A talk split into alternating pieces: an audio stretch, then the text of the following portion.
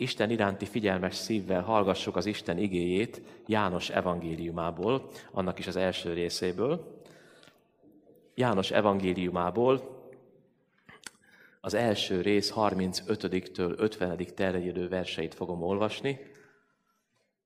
Nem tudom a gyülekezet szokását, de ez egy hosszabb idő, ige szakasz, úgyhogy szerintem ülve hallgassuk ezt, a, ezt az igét. Tehát János 1, 35-től 50-ig.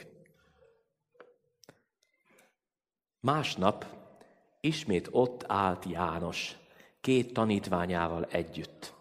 És amikor megpillantotta Jézust, aki arra járt, így szólt, íme az Isten báránya. Meghallotta a két tanítvány, hogy ő ezt mondta, és követték Jézust. Jézus megfordult, és amikor látta, hogy követik őt, megszólította őket. Mit kerestek? Ők pedig ezt válaszolták, Rabbi, ami azt jelenti mester, hol laksz?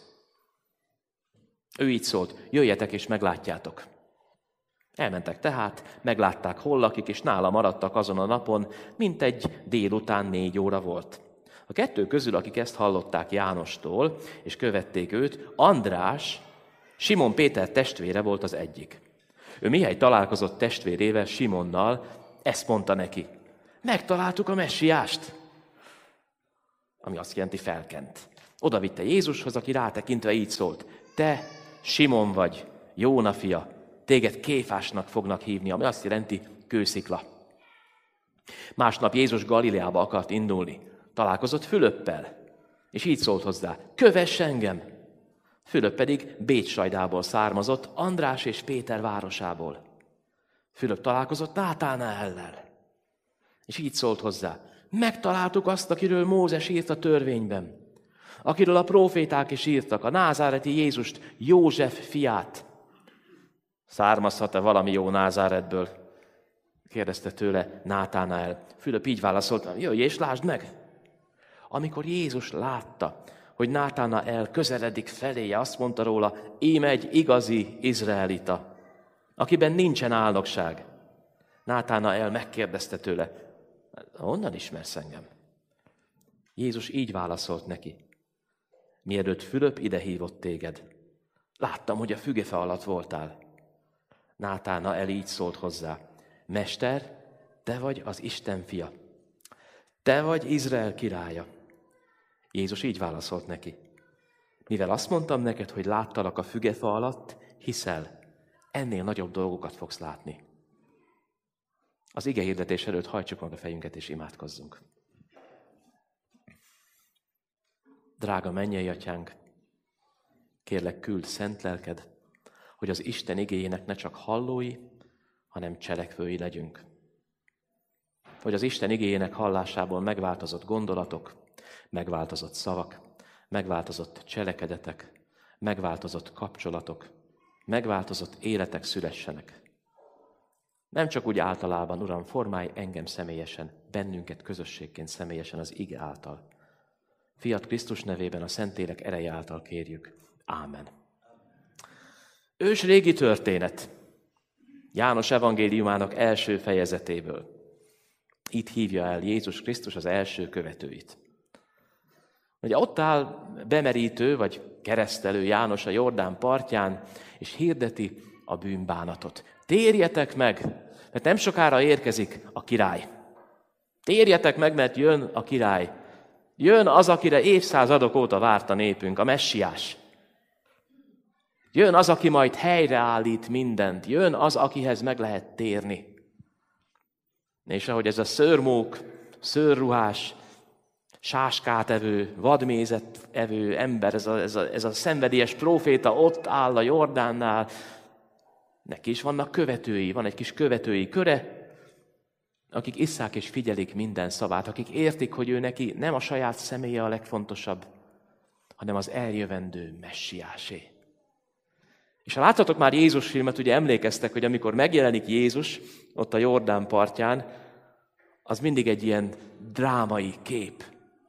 Lassan lépdel, másik videóban messziről föltűnik, minden szem rászegeződik, és János azt mondja, íme az Isten báránya. Nyilván ez a kifejezés nekünk, ez egy bevett kifejezés, az Isten báránya, a kultúránk része, akkor valami teljesen mást jelentett.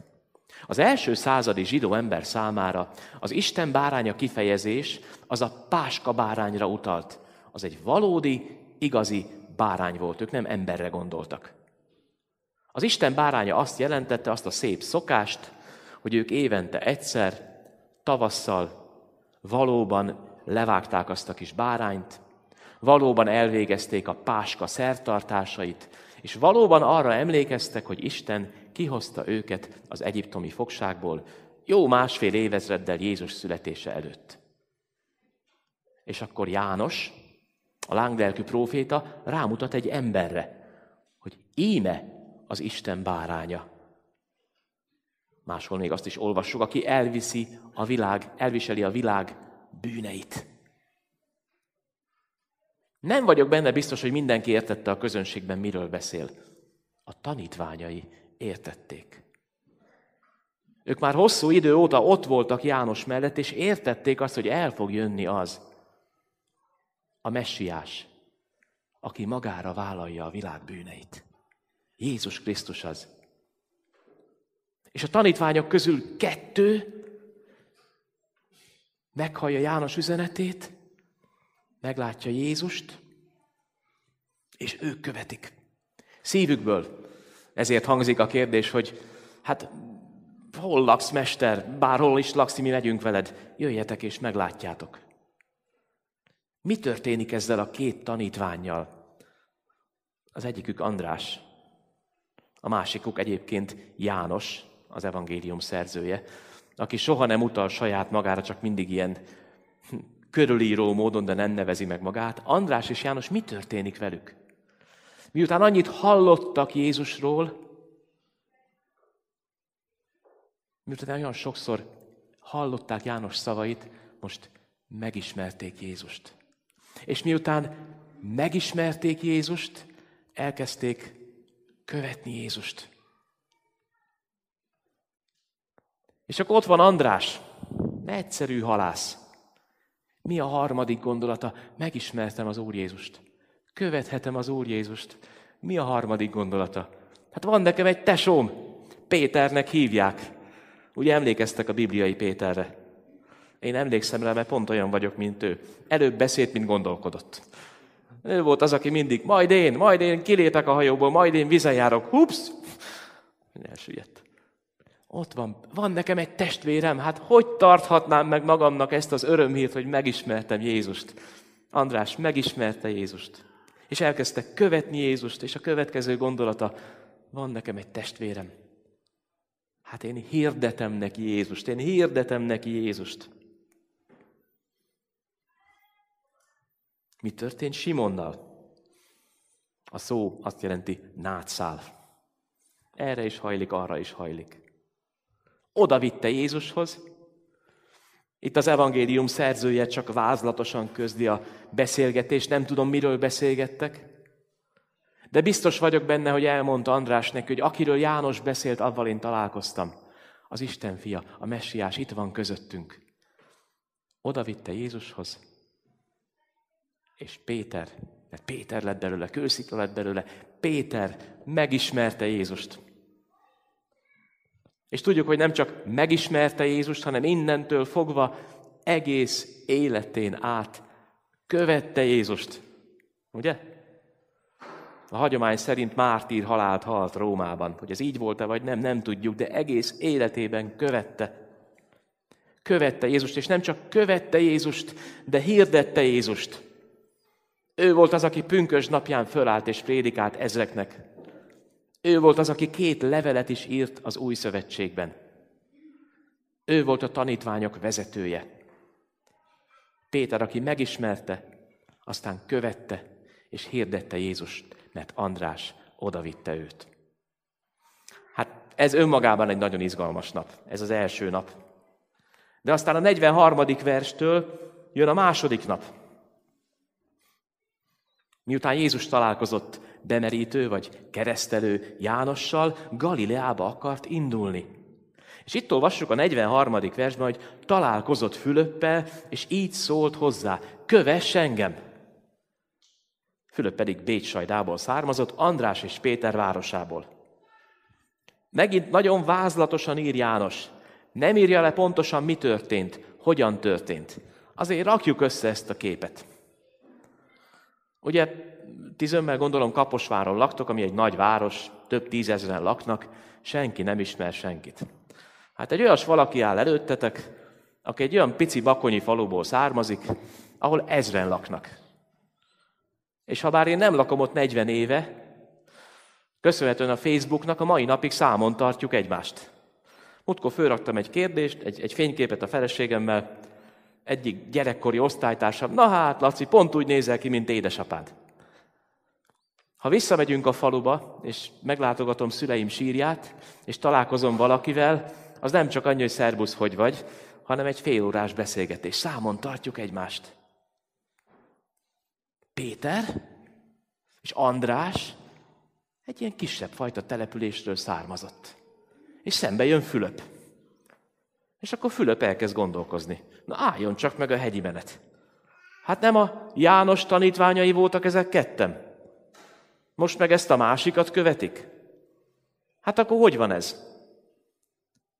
Jézus találkozik Fülöppel, és nem véletlenül van ott az a rövid kis vers a 44 hogy Fülöp Bécsajdából származott, Péter és András városából, hanem azért van ott, hogy az olvasó, te meg én elgondolkozzunk azon, hogy is volt ez.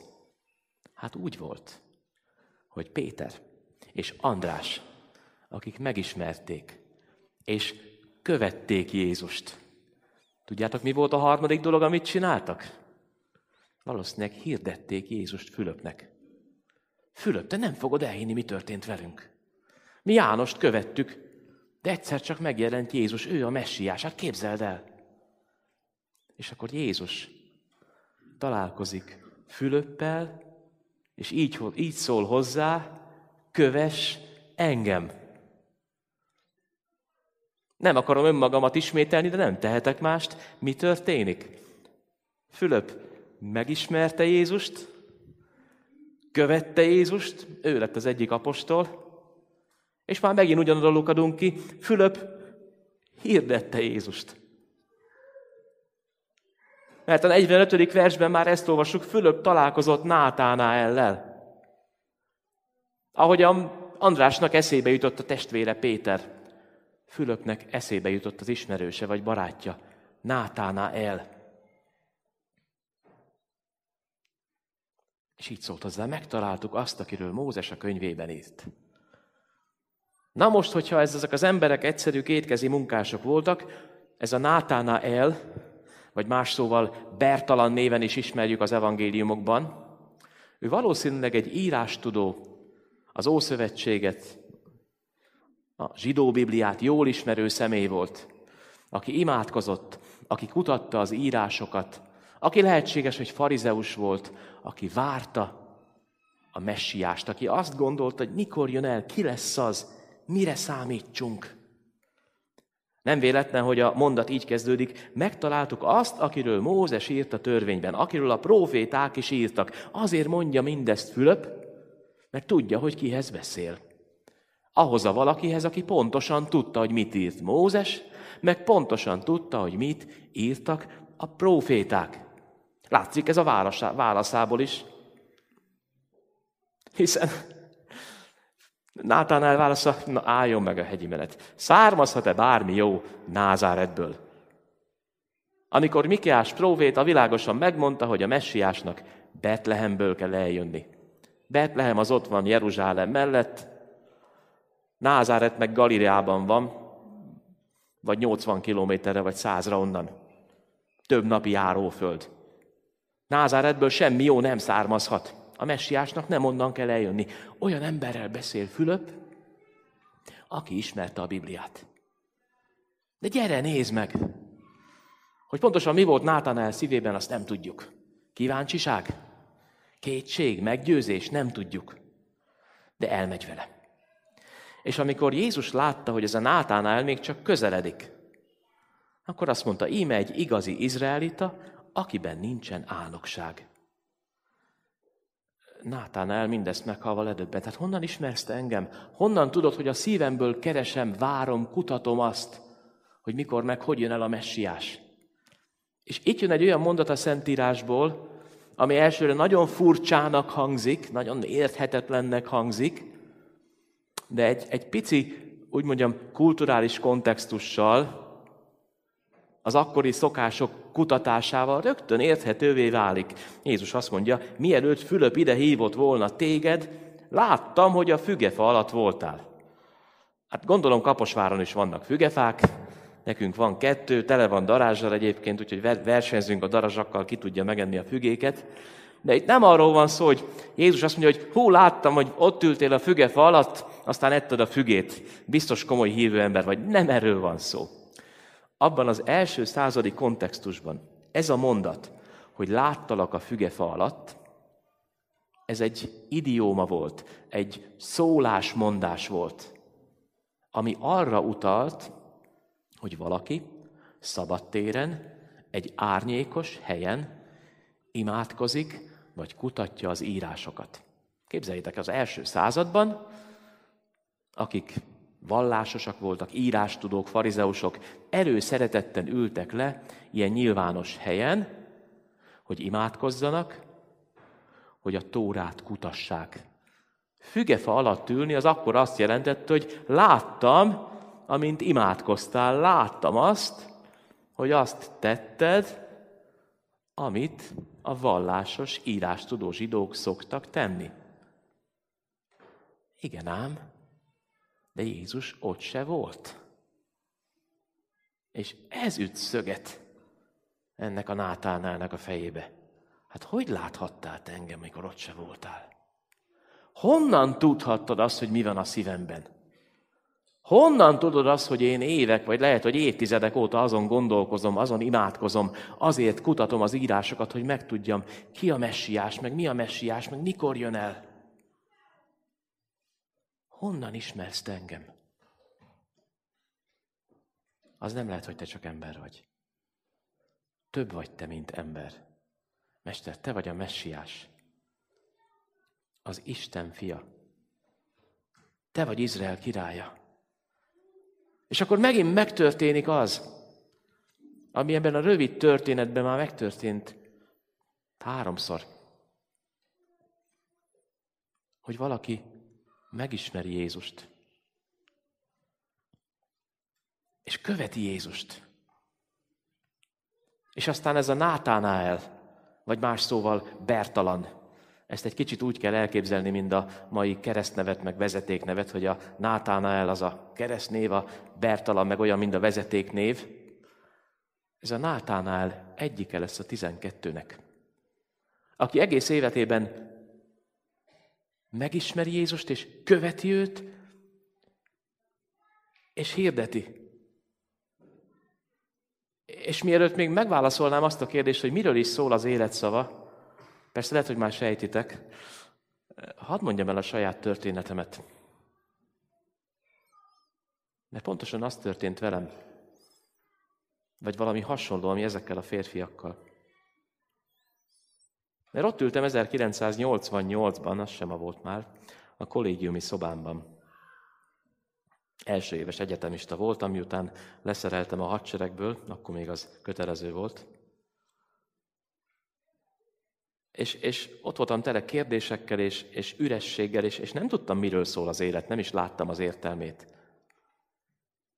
És egy este valaki megkeresett, de ott se voltam, és hagyott ilyen kis bibliai irodalmat, ilyen kis traktátusokat az ágyamon.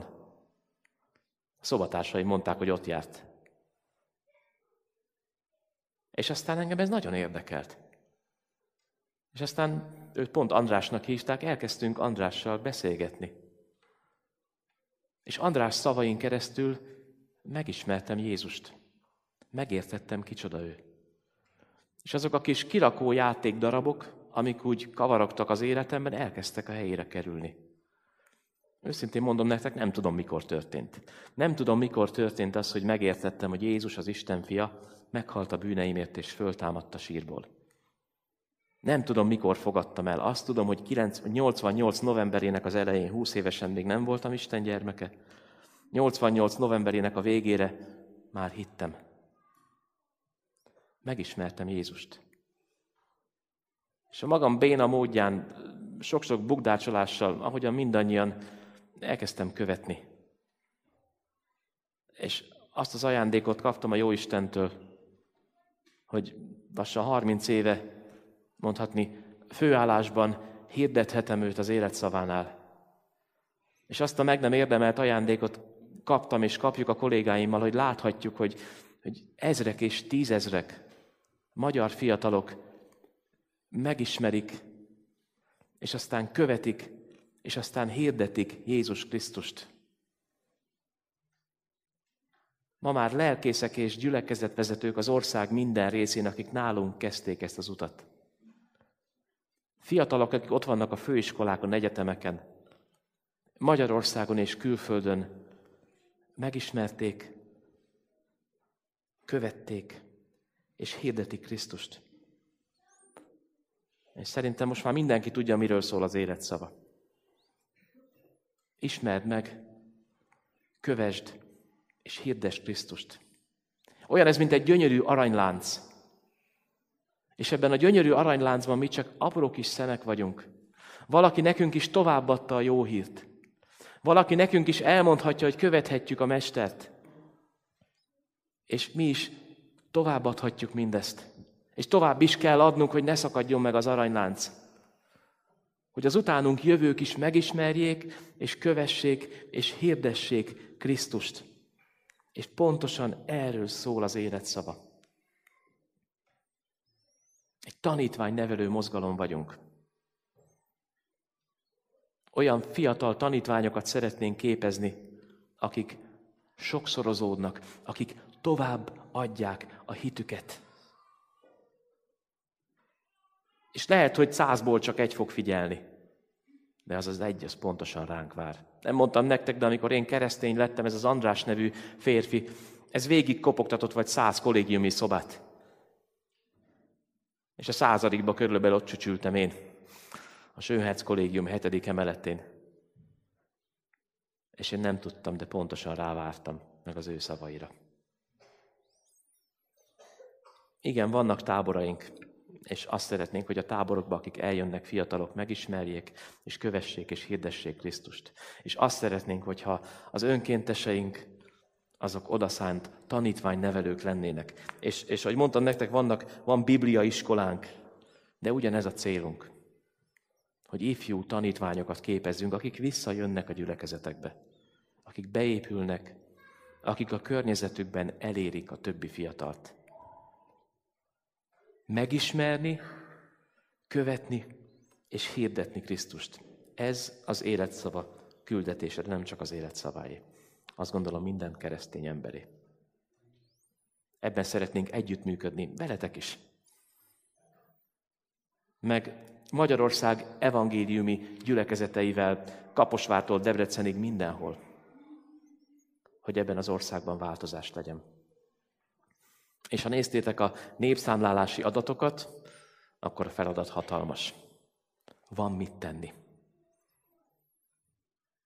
Olyan sokan még csak nem is hallottak Krisztusról. Tegyünk ezért. Ahogyan András meg János, meg Péter, meg Fülöp, meg Nátánál még olyan sokan megismerték, követték és hirdették Krisztust. Ahogyan valaki megismerte, követte és nekünk hirdette Krisztust, ugyanez vár ránk is. Ámen. Hadd fejezzem be egy imádsággal a, az igei részt. Mennyei atyánk, köszönjük ezt a gyönyörűséges történetet. Nem kitaláció, ez az igazság. Így kezdődött az egyház története. Átlagos emberek megismerték, követték, és aztán a barátaiknak, ismerőseiknek hirdették Krisztus családtagjaiknak. Így folytatódik az egyház és a gyülekezet története. Megismertük, követjük és hirdetjük Krisztust. Ezt szeretnénk továbbadni. Ezért van az életszava misszió, ezért van a békevár gyülekezet hogy épüljön a Krisztus teste. Ezért feszül az aranylánc. Nagyon szépen köszönjük, hogy ennek részesei lehetünk. Nem nekünk Nem neked van ránk szükségünk, hanem nekünk van rá szükségünk, hogy ezt megtehessük.